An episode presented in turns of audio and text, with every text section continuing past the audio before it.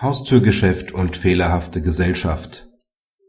Die Haustürgeschäfte-Richtlinie 85/577 EWG ist auch auf den Beitritt eines Verbrauchers zu einem geschlossenen Immobilienfonds anwendbar.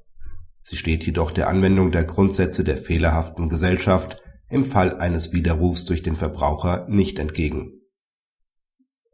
der beklagte Verbraucher erklärte im Jahre 1991 aufgrund von in seiner Privatwohnung geführten Verhandlungen seinen Beitritt zu einem geschlossenen Immobilienfonds in Form einer BGB-Gesellschaft und erbrachte eine Einlage von gut 300.000 D-Mark. Im Jahr 2002 widerrief er gemäß § 3 Haustürwiderrufsgesetz (jetzt § 312 BGB) seinen Beitritt die Klägerin als Verwalterin des Immobilienfonds verlangte daraufhin gut 16.000 Euro vom Beklagten als negatives Auseinandersetzungsguthaben und berief sich auf die Anwendung der Rechtsprechungsregeln über die fehlerhafte Gesellschaft. Der BGH hat daraufhin dem EuGH zwei Fragen zur Vorabentscheidung vorgelegt. Zum einen geht es um die grundsätzliche Anwendbarkeit der Haustürgeschäfte-Richtlinie auf den Beitritt eines Verbrauchers zu einer Personengesellschaft wenn der Beitritt vornehmlich Kapitalanlagecharakter hat.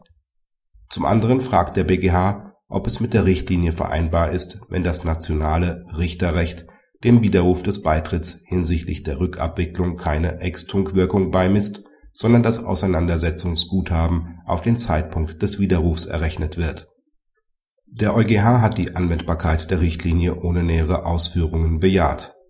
die zweite Frage nach der europarechtlich zulässigen Rechtsfolge im Fall eines Widerrufs wird vom EuGH dahingehend beantwortet, dass die Richtlinie der Anwendung der Grundsätze über die fehlerhafte Gesellschaft nicht entgegensteht. Der widerrufende Verbraucher kann also auf eine Abwicklung ex nunc verwiesen werden, mit der Folge, dass sein Auseinandersetzungsguthaben auf den Zeitpunkt des Wirksamwerdens des Widerrufs berechnet wird. Dies wiederum kann dazu führen dass sich unter Umständen ein negatives Auseinandersetzungsguthaben ergibt, das der Verbraucher zusätzlich zu der ursprünglich geleisteten Einlage zu tragen hat. Praxishinweis Zwar verwundert es, mit welcher Leichtigkeit der EuGH die Anwendbarkeit der Richtlinie auf den hiesigen Fall bejaht, denn ihrem Wortlaut nach ist die Richtlinie nur auf Warenlieferungen und Dienstleistungen anwendbar.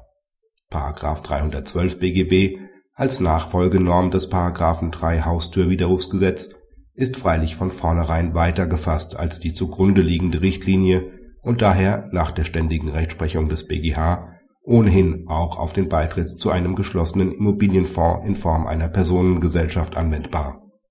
Praktisch bedeutsamer ist daher die Aussage, dass die Grundsätze der fehlerhaften Gesellschaft auch beim Widerruf eines in einer Haustürsituation abgeschlossenen Beitritts zu einer Gesellschaft Anwendung finden können